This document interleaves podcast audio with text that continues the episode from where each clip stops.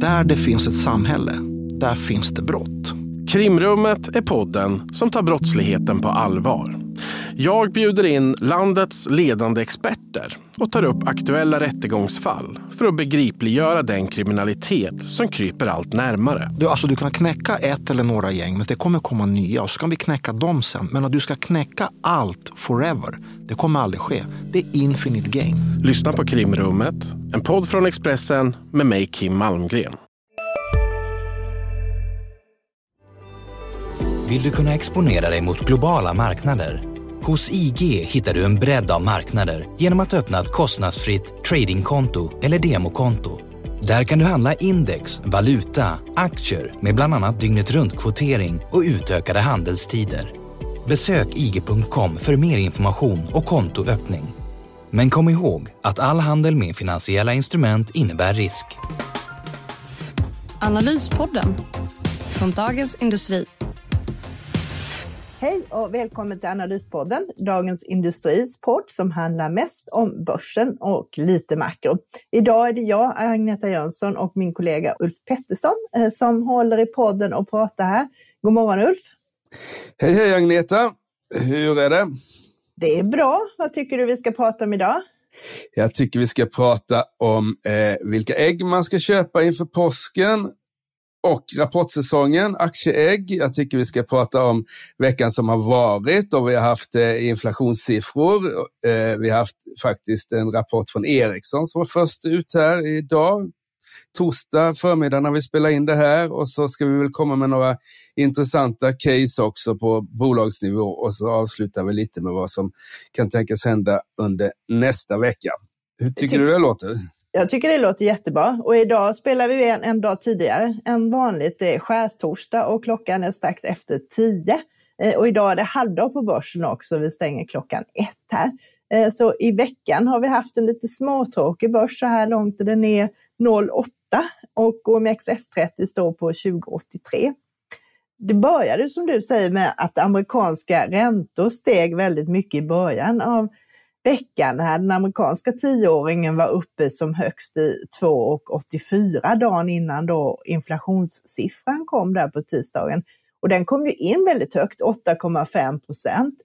Men det var enligt väntat och nu börjar många tro att det kanske är en lite utav en topp där borta och det har också gjort att långräntorna har kommit ner lite så nu har du tioåringen på 2,68. Det är väldigt stora rörelser på räntesidan när många positionerar om sig. Så det tror jag vi får se framöver här. Och som du sa, här hemma fick vi nu på morgonen då också svenska inflationsdata. Eh, det som heter KPIF då, inflationen med fast ränta, eh, hamnade i mars på 6,1 procent. Och det var över vad förväntningarna var som var 5,6 och i februari var det 4,5. Så det var en kraftig uppgång här. Och man kan ju inte tolka det här, tycker jag, som annat än att nu stärks sannolikheten ännu mer för att Riksbanken höjer räntan här innan sommaren, som faktiskt en del institut har varit inne på. Vad tror du, Ulf?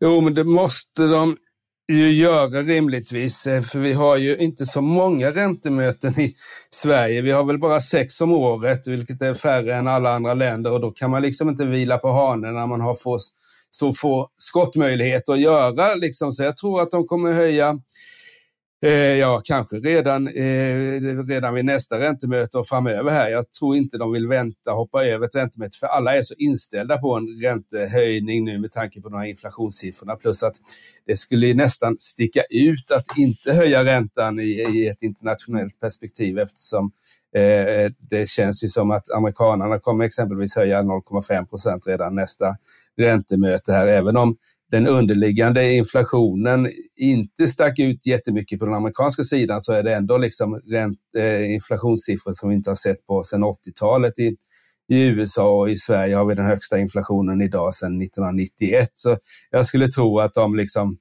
att, att inte höja räntan idag är ett större, eh, större beslut än att, än att höja den. Så jag gissar att Stefan Ingves och hans kollegor i centralbanksredaktionen eller riksdagsredaktionen gör, gör det under nästa möte redan. Och det får vi se. Men det är intressant det du pratade om där att, att eh, amerikanska tioåringen toppade då på drygt 2,8 och gått ner.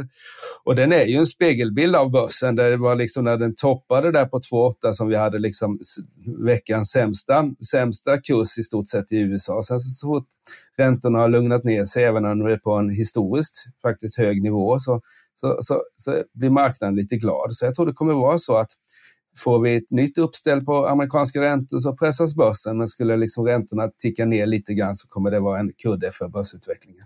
Ja, jag är helt enig med dig där. Jag tror att eh, det kommer att lugna ner sig lite på amerikanska eh, sidan också efter majmötet och när de blir tydligare hur de kommer att göra med att eh, minska sin balansräkning.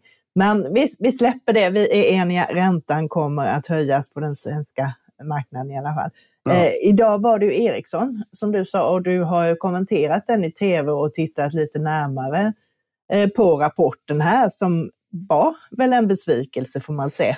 Ja, det var det. Vinsten, eh, de hade ju redan flaggat för en miljard i extra kostnad för nedstängning i Ryssland, så då förväntade man sig en vinst på 5,3-5,4 miljarder någonstans och man landade på 4,8, så det är 700 miljoner kronor lägre vinst än förväntat, än 15 procent ungefär drygt lite, tror jag. Eh, ja, 15 procent ungefär. Eh, och det är ju eh, eh, klart sämre än vad Ericsson har rapporterat senast i kvartalen. Eh, det var eh, kostnadsökningar som låg bakom det här efter, eftersom faktiskt försäljningen var högre än förväntat så var det eh, kostnadsökningar plus lite mindre sån här, eh, vill säga, försäljning av, av eh, patent och sånt där som, som drog ner lite grann.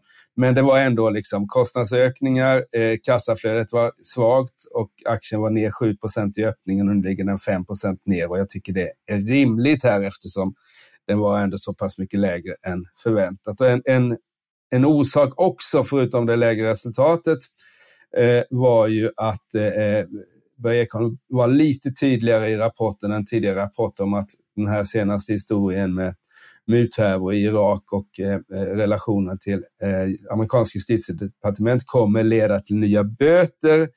Troligtvis tyckte jag det stod i rapporten, så det får man väl anta att det blir, men det stod ju inga summor och ingenting när det skulle, ett sådant beslut eventuellt skulle komma och så där. Så det finns fortfarande en osäkerhet, men de som trodde att Ericsson skulle liksom klara sig utan, utan nya böter, de, de, de, eh, de blev nog lite besvikna idag och det sänkte aktiekursen en del. Det sänkte ju kursen, men vad tror du, är det någonting det här vi kan leva med? Ska man sälja aktien nu eller ska man eh, behålla i det här läget? Nej, jag tycker nog man ska köpa på, på den här svagheten, för det är ändå, det är ändå liksom ett P11-bolag i en, i en så att säga växande sektor. Tittar man så höjde de eh, målet eller utsikterna för hela marknaden från 3 till 5 procents ökning 2022. USA går jättestarkt. Där var försäljningen upp 21 procent under kvartalet, justerat för valuta. 9 procent rapporterat. Så det går bra. Så jag tycker nog man ska... Eh, för det är ju, det är klart, det finns ju en, en nedsida finns det. Alltså, det kan bli rejält med böter men det, och vi ska en, inte utesluta andra sanktioner mot, mot Ericsson. Så det finns det är lite av en högriskplacering att gå in och, och ska säga, stödköpa eller fyndköpa Ericsson idag, men jag tror det kan vara en ganska bra mm. strategi för den är så pass lågt värderad. Intressant. Och det här rullar ju vidare. Jag blir lite orolig för det här att det kan finnas en risk att Ericsson sätter lite tonen här för en del andra bolag. Och det jag menar då är att eh, det var det här med, eh, man pratade också om att man har upplevt en komponentbrist och att man har då så att säga hamstrat och köpt in en massa komponenter, att det kan finnas den aspekten hos en del andra bolag också som har byggt upp lager och sådana här saker. Så, så är det. Alltså det så, vi såg ju det redan under fjärde kvartalet. Backar man bandet så är det drygt två år sedan vi hade pandemin slog till. Vi hade jättebra kassaflöden över hela linjen egentligen i början när folk valde att inte köpa in utan minska lagren och sen så har det skett en lagerutbyggnad successivt. Det såg du under fjärde kvartalet ganska rejält och vi lär se det ännu mer under första kvartalet och det slår ju då på negativa, eh, negativa kassaflöden. Det vill säga i USA, så, eller i Ericsson så var det till och med minuskassaflöde här på nästan 2 miljarder. Så, det, så, så nettokassan minskade. Precis, och det, vi har ju också faktiskt, börsen har ju kommit in igen stigit över 10, eller runt 10 procent sedan bort den här 7 mars. Så att eh, vi går ju inte in i det här med jättelågt ställda förväntningar heller. Nej, vi gör inte det. Sen, sen liksom eh, eh, chocken eh, 24 februari när, när eh, Ukraina anfölls av Ryssland så vände det ju upp där någon gång i början av 7, 7 mars någonstans och sen har vi dragit, som du säger, över 10 procent eller runt 10 procent. Och det, det gör ju att förväntningarna är, får man betrakta det kortsiktiga perspektivet, högt ställda. Och så ställs ju det då mot rapporterna som kommer nu och jag tror vi kommer få se fortsatt sjunkande rörelse marginal, eller ja, lite som vi såg Q4 men i, i förhöjd takt här, att rörelsemarginalerna som har varit väldigt uppdrivna sista året, där ska det nog bli svårt att, att, att, att se hur de ska klara sig. Ehm, jag tyckte vi fick ju Ericsson, men vi fick ju även det här HMS då som är en industri, eh, levererar eh, teknik till industrin. Också minskad rörelsemarginal, så det är jag tämligen säker på att vi får se över hela linjen. Och så återstår då, då att se hur, hur mycket rörelsemarginalen sjunker, det vill säga hur mycket har bolagen kunnat föra över prisökningarna till, till sina kunder i, i sin tur. Och där varierar det från bolag till bolag och det är det som är lite lite nyckeln här inför rapportperioden, att få se de där siffrorna. Och det finns ju, tittar man på den kursutveckling som har varit i år så har ju exempelvis SKF och, och Electrolux tagit mycket stryk och man räknar med att de tillhör de som har svårast att föra vidare prisökningarna. Men det, det är något vi får besked om redan i nästa vecka egentligen när det drar igång på riktigt då med Sandvik på onsdag. Sen har vi fått eh, lite vinstvarningar också, både positiva och negativa sådana senaste dagarna. Ja, eh, vi fick ju från New Wave, eh, klädhandlaren Torsten Janssons kläd, klädhandelsföretag som kom med en ny vinstvarning. Aktien var ju upp tvåsiffrigt och de vinstvarnade ju även inför Q4 så det är uppenbarligen att de har en väldigt bra tryck i sin affär och det som gynnar dem nu det är att vi börjar öppna upp samhällena igen. Alltså en ganska stor del av New Waves marknad är ju eh, lagsportskläder till olika idrotter eh, och även evenemang inte minst. Alltså det är många eh, golftävlingar öppna upp. De är stora på liksom sån här merchandise till golf, golftävlingar och sånt där. Så det har varit, det är liksom efter, efter liksom, eh, två år av nedstängning här så ser det riktigt bra ut för New Wave. Och Hexatronic också, ett, eh, ett, jätte, ett riktigt kvalitetsbolag som också överraskade marknaden och steg tvåsiffrigt. Så är det. Och sen så har vi haft lite vinstvarningar. Eh, vi hade eh, Kindred exempelvis som kom också med en ny vinstvarning. Så det, är lite, det känns lite, om man ska försöka dra ut någon trend redan tidigt i den här rapportperioden som knappt har börjat, så är det väl att det vi har sett hittills i alla fall är att bolag som rapporterade bra förra kvartalet tenderar till att rapportera bra även detta kvartal och omvänt. De som hade problem, och Kindred hade ju problem eh, förra kvartalet, kommer med nya sura siffror. Men jag vet inte, du eh, tittar inte bara på eh, svenska bolag. Vi har ju faktiskt haft en rapportperiod i USA som har kommit lite längre, det vill säga med amerikanska banker här. Hur, hur, hur har det där sett ut? Vad, eh, har vi haft något? Vi fick, eh, första fick vi igår, eh, mm. JP Morgan, och där var det lite stökigt. Eh, de kom in lägre än förväntningarna. Man hade väntat sig en vinst på 2,72 dollar per aktie. Det blev 2,63. Eh, och den gick ner 4% på det här. Men börjar man titta lite närmare eh, så handlar det mycket om det här med kreditförlusterna. Eh, för, nu satte man av en och en halv miljard dollar i nya kreditförlustreserveringar. I fjol återvann man 5 miljarder. Så lägger man till det så ökade ändå ökade då den underliggande vinsten en halv miljard jämfört med i fjol. Så det var inte det här jättestora tappet från 14,3 till 8,3 miljarder. Eh, för de här är ju som sagt var mer bokföringsmässiga eh, grejer och man satte ju av väldigt mycket 2020 då när pandemin drog igång och det satte man då tillbaka första kvartalet 2021 och nu är man liksom tillbaka mer i normalt men man säger ändå att det är en ganska låg nivå på kreditförluster så det är inga bekymmer. Däremot var det lite sämre på investmentbanksdelen eh, och eh, det är ju där, där de tjänar pengar på företagsaffärer och börsaktivitet och sådana här saker. Och det har ju varit lite mindre sådant, både utav börsnoteringar och affärer nu under det här eh, kvartalet. Eh, och sen flaggade deras eh, då eh, kända VD Jamie Dimon för att på, på kort sikt ser han fortsatt att det ser optimistiskt ut för ekonomin, men han flaggar för alla de här Eh, problem problemen som vi vet finns där då. Geopolitiska ekonomiska utmaningar, det är hög inflation, leverantörskedjestörningar och kriget i Ukraina. Men det är ju inga ny, nya saker egentligen. Det är ju bekymmer som vi har eh, fått lära oss att leva med nu ett litet tag här. Eh, idag kommer sen då resten av det här storbanksgänget, då City och Goldman Sachs, och Morgan Stanley och Wells Fargo efter vår stängning då eh, klockan ett.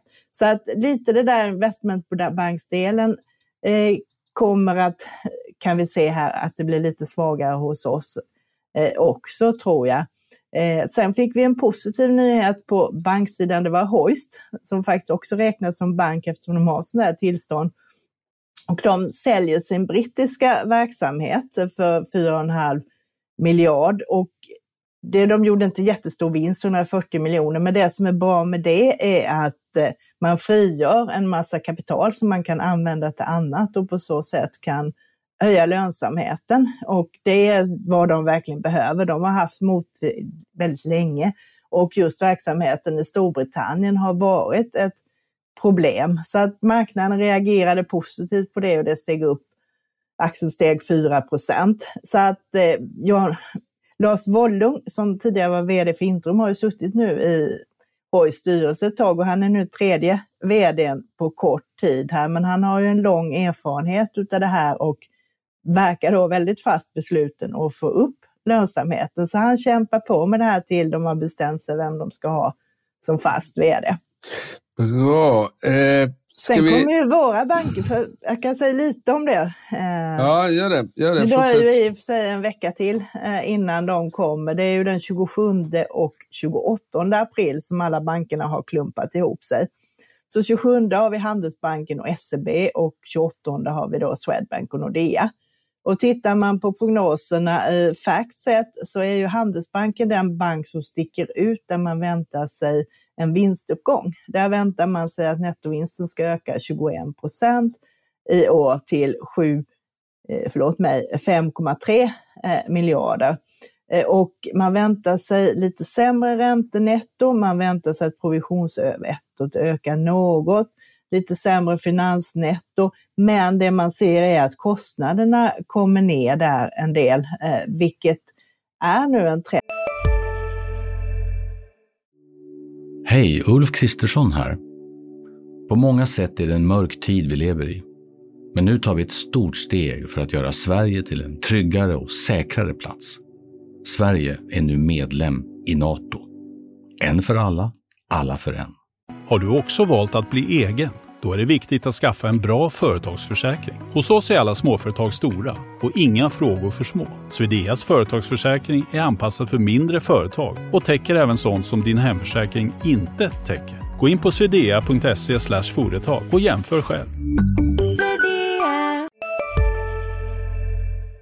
som har hållit på ett tag så att där ser det ganska bra ut. En annan grej som man kan ta med sig med Handelsbanken är att analytikerna har Eh, Eh, snittprognos på kreditförluster i första kvartalet på drygt 200 miljoner.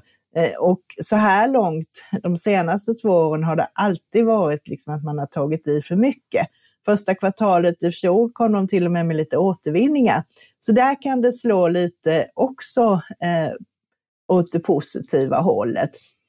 Den som man räknar med mest tapp eh, faktiskt, det är SEB som kommer samma dag. Där räknar man med vinsten faller 13 procent istället. Eh, och det som sticker ut där eh, då är att man räknas med ett väldigt svagt finansnetto, att det ska minska från 2,2 till 1,5 miljarder. Det är nästan ett tapp på 33 och det är för, företagsaffärerna som ligger där, eller hur?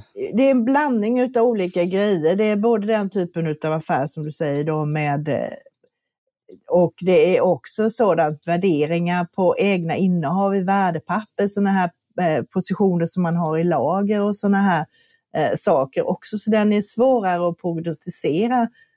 Men den kan, och man har haft en tendens att överraska positivt där. Liksom. Så att Eh, Eh, om man ska betta på något kanske det är lite det eh, man ska chansa på här, att SEB inte blir så svag som väntat. Och eh, där har man också skruvat upp kostnaden lite. SEB flaggar ju för att man så att säga, man gör investeringar i lönsam tillväxt som man säger. Och att kostnaderna kanske skulle öka runt en 4 procent på år. Nu lägger man in kostnadsökningar här i prognoserna redan på 11 procent i första kvartalet. Det kan också vara eh, lite mycket.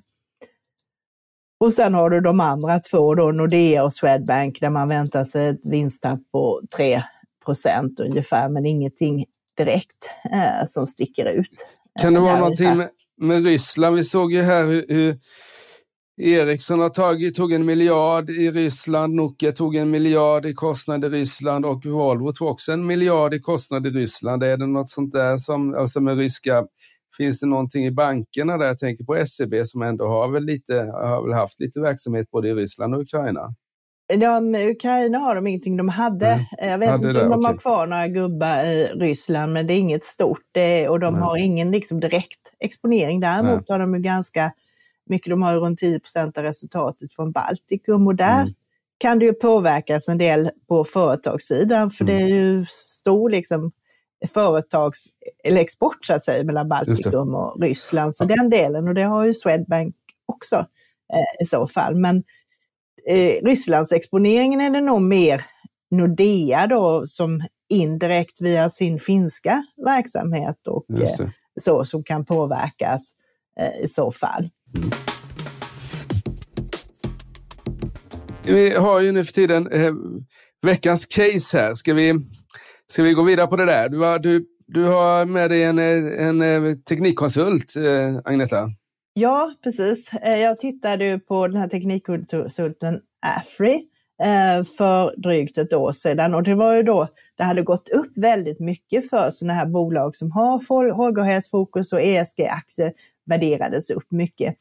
De ligger ju väldigt bra till där. Som konsult hjälper de ju företagen med att göra de här eh, omställningarna. Så att eh, de har ett fokus på hållbarhet och digitalisering eh, med områden som infrastruktur och bioindustri och livsmedel och läkemedelsindustri och ren energi och sånt där som är sånt som är aktuellt och där kunderna fortsatt behöver hjälp med omställningsarbete. Så det finns ju kvar. Det som hände i det här var att min ansats blev ju fel. Eh, jag tyckte då att det här kunde utvecklas vidare. Och, men det som har hänt är att värderingen har kommit ner på de här, så prognoserna var ju ganska okej. Okay. Omsättningen ökade 5,9 procent förra året, varav 5,6 var organiskt till 20 miljarder och det var ungefär, ja, där jag trodde på 19,4. Eh, rörelsemarginalen minskade typ liten aning till 8,5 procent och vinsten ökade 20 procent till 1,1 miljard och vi trodde på 1,2. Så det motiverar ju egentligen inte att aktien ska tappa en tredjedel. Men det som händer där är att man har värderat ner den här typen av bolag väldigt kraftigt. Så istället för P tal 25 eh, som det var då för vinsten på innevarande år så har det nu kommit ner till 14. Eh, och eh, det är inte bara för Afri utan det är många bolag just som har varit haft lite premiärvärdering vad det gäller hållbarhet, men även tillväxtbolag som har kommit ner eh, på det här sättet. Så jag tycker att det som är caset i bolaget finns fortfarande kvar och dessutom är de nu betydligt billigare med P 14 istället för om man jämför med femårssnittet på 17. Så jag tycker att de är värd lite av en ny chans faktiskt. Spännande. Och det som står emot där, det får du se här, det är personalintensivt och det är ett konsultbolag, vad som händer med eh, lönerna då om, om eh, vi har liksom inflationer på 4 och 6 procent här. Men det är som sagt det slår väl inte igenom så mycket ändå. Men det tror jag kommer vara en fråga för en del av de här konsultbolagen om de har haft fortsatt svårt att få tag på folk och om de betalar mer. Men som sagt jag håller med dig. Jag har satt köp på, på, på eh, Afri eller gamla ångpannan för, för eh, tre, fyra år sedan. Och just för att de var, som du sa, så blev de ju ganska högt värderade, men de är fortfarande ganska lågt värderade jämfört med sektorkollegor och sådär och har alltid varit. Och är ju ändå ett varumärkesmässigt och bland så att säga sådana här eh, personalundersökningsundersökningar så brukar de landa högt och sådär. Så det är ett, ett fint bolag som har kommit ner i pris och så får vi se om de kan föra över kostnadsökningarna mot, mot kund i form av högre timpenning. Det får vi väl se helt enkelt. Det blir ja, intressant. Det var bra du sa det, för självklart lönerna kommer att spela roll, men du har också en positiv effekt på personalsidan. Under förra året, både slutet av förra året och även i början av året, så hade man ju hög sjukfrånvaro ja. på grund av pandemin som också har påverkat lite mm. negativt. Så att från och med mars så är väl de flesta igång och jobbar nu i full fart igen. Februari är över. Mm. Spännande. Bra. Men har du? Du hade tittat några case här som kunde vara intressant där med tanke på eh, rapportperioden. Ja, precis. Jag är ju med i den här eh, våran eh, drömportföljstävling som eh, började 4 april. Det är inte för sent att anmäla sig får man väl eh, säga också, så det går att anmäla sig fram till eh, någon gång i nästa vecka tror jag. Eh, eh, och då ska man ju ha då aktier i det där, man får byta hur mycket man vill. Eh, man ska ha minst fem aktier eh, och så ska man då försöka vinna den här tävlingen. Det är 17 18 000 som är med nu då och jag ligger eh, på runt 5 000, 4 000 kanske. Och jag har lagt till två aktier den här veckan eh, och då är det två aktier som jag tror kanske kan överraska positivt i rapportperioden här. De kommer eh, ungefär när dina banker kommer och det är då Scandic Hotels, eh, hotellkedjan som kom en jättestark, eller jättestark, men i alla fall mycket bättre rapport än förväntat för Q4, trots att det var omikron eh, påverkat. Eh, och aktien steg på den rapporten, men har sen tappat betydligt mer än börsen sen, sen då i februari. Eh, nu har den stigit lite sista veckan här, men jag tror att, eh, och nu är det, det är ett intressant konsumtionsläge ser jag det som nu med stigande inflation, stigande elräkningar, stigande räntekostnader, alltså på bolån och sånt där, även om inte det slår igenom mer än gradvis, eh, även om rörliga räntorna är fasta i tre månader, så kommer folk få det mindre i plånboken och då kanske liksom, ska man då bo på hotell, men det tror jag att folk kommer göra. Jag tror att den här två åren av pandemi eh, gör att man kommer prioritera resor, resor och den typen av, av närliggande verksamheter och kanske hålla inne på att köpa ännu en robotgräsklippare eller, eller bygga ännu en altan så att det blir den här, ska jag säga, eh, upplevelserelaterade konsumtionen som jag tror kommer ta fart. Att folk har ett uppdämt behov av det där och då ligger liksom Scandic bra till. Plus att de har skurit väldigt mycket i kostnaderna. Så, så har de då fått en del, hel del fler som bor på deras hotell så bör det ge effekt på vinsten. Eh, och värderas då till P 8 på 2019 års vinst. Så, så går vi tillbaka till före pandemin så är det P 7 8 och det är halva mot vad de brukar värderas till. Så jag ser en en uppsida där både på kort och lång sikt. Men som sagt var, eh, eh, vi får väl se hur det blir. Men jag vågar chansa på det i alla fall. Och sen så nummer två för veckan som jag lade till, det var Gränges, aluminiumföretaget som valsar stål till byggindustrin och till fordonsindustrin, som också kom med en bra Q4 och steg upp till över 110 och nu är nere i drygt 80, så den har tappat 25-30 procent, eh, betydligt mer än vad börsen har tappat sedan sen februari, januari, slutet av januari, början av februari. Eh, eh, och senast vi hörde från bolaget, ja, just det, de har skickat en release i veckan att de ska göra en investering i, i USA av det större slaget i deras fabriker där. Men, men det är ändå att det är Jörgen Rosengren som är vd sen ett tag tillbaka, han sa att han, han, han, han tror sig kunna eh, höja priset till kund i samma takt som han får prisökningar på sitt aluminium. Och lyckas han bara, eh, han behöver inte lyckas fullt ut där, men om han lyckas delvis under Q1 så tror jag att aktien är så pass nedtryckt att den kan reagera positivt. Men det som sagt var, där är det ju en tuff marknad också med en svag fordonsindustri och sådär. Så vi får väl se hur det går, men det var i alla fall mina två chansningar här i, i, i tävlingen inför, inför rapportsäsongen.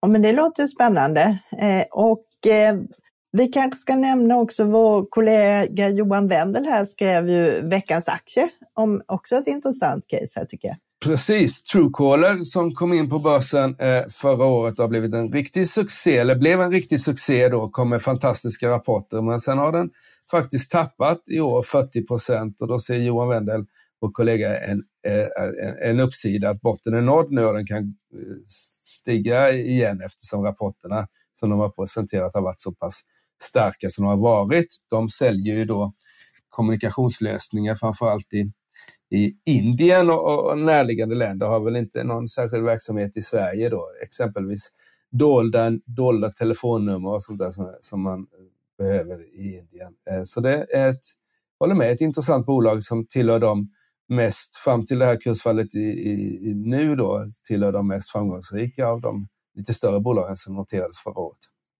Och det kommer det vara brist på saker som händer nästa vecka heller, även om det är en kort vecka. Eh, på måndagen har ju vi stängt, men USA är öppet och på tisdag så sätter det igång igen med full fart här. Eh, då har vi lilla banken TF Bank eh, som kommer med rapport. Eh, de har hittills visat en imponerande tillväxt. Ska vi se om de kan hålla i det. Och sen har vi fastighetsbolaget Nyfosa och IMF kommer med en sån här global finansiell stabilitetsrapport som många kommer att titta på. Och sen är det som du sa på onsdag så är det Sandvik. Det är första stora verkstadsbolaget ut. Ja, det är det ju och det blir ju jätteintressant att se och där har vi ju då Ja, det har vi ju mycket och, och, och det är liksom så mycket att hålla reda på så det finns inte. Men man kan ju tänka sig att i, i, vi hade ju en väldigt stark orderingång för Q4 alltså vad det gäller försäljningen så, som ska komma nu och längre fram borde ju vara bra. Så frågan är liksom vad de har haft för, för kostnadsutveckling egentligen. Och sen så är det ju eh, orderingången framåt, om den har påverkats av eh, eh, Ryssland, vilket det förstås har gjort, och hur mycket. Och sen så har vi den här osäkerheten som finns i Kina där vi får så väldigt eh, splittrade signaler då med, med liksom eh, men det sammantagna bilden av Kina är väl att, att det ser ju inte roligt ut med den nedstängning vi har i Shanghai som är liksom eh, närmast omänsklig. Och samtidigt så har ju då liksom eh, den kinesiska regimen eh, lättat upp sin ekonomi, liksom, höjt, höjt eh, möjligheterna för bankerna att låna ut. De har till och med varit ute och sagt att man ska köpa aktier nu till allmänheten. Så det känns ju som att, och det där tycker jag är orosfaktorer, liksom, när, när man är ute och gör sådana där saker, då känns det som det pågår någonting i landet som inte är roligt. Men det kanske vi får en första bild av från Sandvik då, som, som säljer lite grann där. Och sen så har de ju dessutom en avknoppning på gång här eh, som, eh, som eh, kommer ske efter, efter sommaren vad jag förstår. Så det är intressant. Det följer på sen med, på torsdagen kommer ju ABB och sen är det Husqvarna har redan vinstvarnat så där vet vi ju en del. Men det är också Axfood och Tele2 och Kinnevik. Och där tycker jag det blir intressant att se om de gör nu eh, några nedskrivningar av värdet på de onoterade innehaven. Vi har ju sett överlag att så sagt, tillväxt tillväxtbolag där vinsterna ligger långt fram i tiden har ju värderats ner ganska kraftigt på den noterade marknaden. Så det blir intressant att se hur de hanterar det tycker jag. Absolut, så det finns att eh, fundera på även nästa vecka och som sagt var, eh, nu kör rapportsäsongen igång och det är alltid en en höjdpunkt för oss eh, aktieintresserade. Precis, och nästa fredag får vi inte glömma, då är det ju Volvo, Saab och Autoliv. Så de som poddar då kommer ju ha en del att prata om också kan man ju lugnt säga. Precis, det kommer de ha och eh, vi kommer ju köra det i tidningen för fullt ut och på webben och även i, i, i DIs Börsmorgon och Rapportmorgon. Så det, vi, ska, vi ska vara laddade inför nästa vecka så det gäller att ta helg och verkligen vila ut de här fyra lediga dagarna som det blir då eftersom vi öppnar upp först på tisdag igen. Ja, här. nu har du presenterat en del bolag och jag också som vi kan stoppa i påskägget om man skulle vilja. Och har man inte fått nog på ekonomiinformation och sådant så kan man ju faktiskt lyssna på våra andra poddar också här i helgen. Vi har ju Eh, Eh, Digitalpodden och sen har vi Makrorådet som kom i förra veckan. Har man inte lyssnat på den så kan man ju göra det och sen finns det Smarta pengar och den dagliga podden Morgonpodd och sen vår podd från ledarredaktionen som pratar mycket om det här som händer nu i världen i det politiska läget. Precis, det var bra det. Eh, då återstår det bara för mig och dig Agneta att tacka för att eh, eh, våra lyssnare har lyssnat på oss denna veckan också och återkom gärna igen nästa fredag då vi kör ett nytt avsnitt med början på rapportsäsongen. Tack ska ni ha. Hej då! Tack, tack. Hej! Vill du kunna exponera dig mot globala marknader? Hos IG hittar du en bredd av marknader genom att öppna ett kostnadsfritt tradingkonto eller demokonto där kan du handla index, valuta, aktier med bland annat dygnet runt-kvotering och utökade handelstider. Besök ig.com för mer information och kontoöppning. Men kom ihåg att all handel med finansiella instrument innebär risk. Analyspodden från Dagens Industri. Programmet redigerades av Umami Produktion. Ansvarig utgivare Peter Fellman.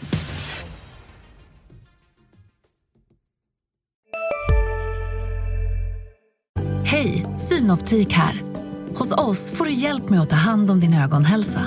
Med vår synundersökning kan vi upptäcka både synförändringar och tecken på vanliga ögonsjukdomar. Boka tid på synoptik.se. Välkommen till Maccafé på utvalda McDonalds restauranger med Baristakaffe till rimligt pris. Vad sägs om en latte eller cappuccino för bara 35 kronor? Alltid gjorda av våra utbildade baristor.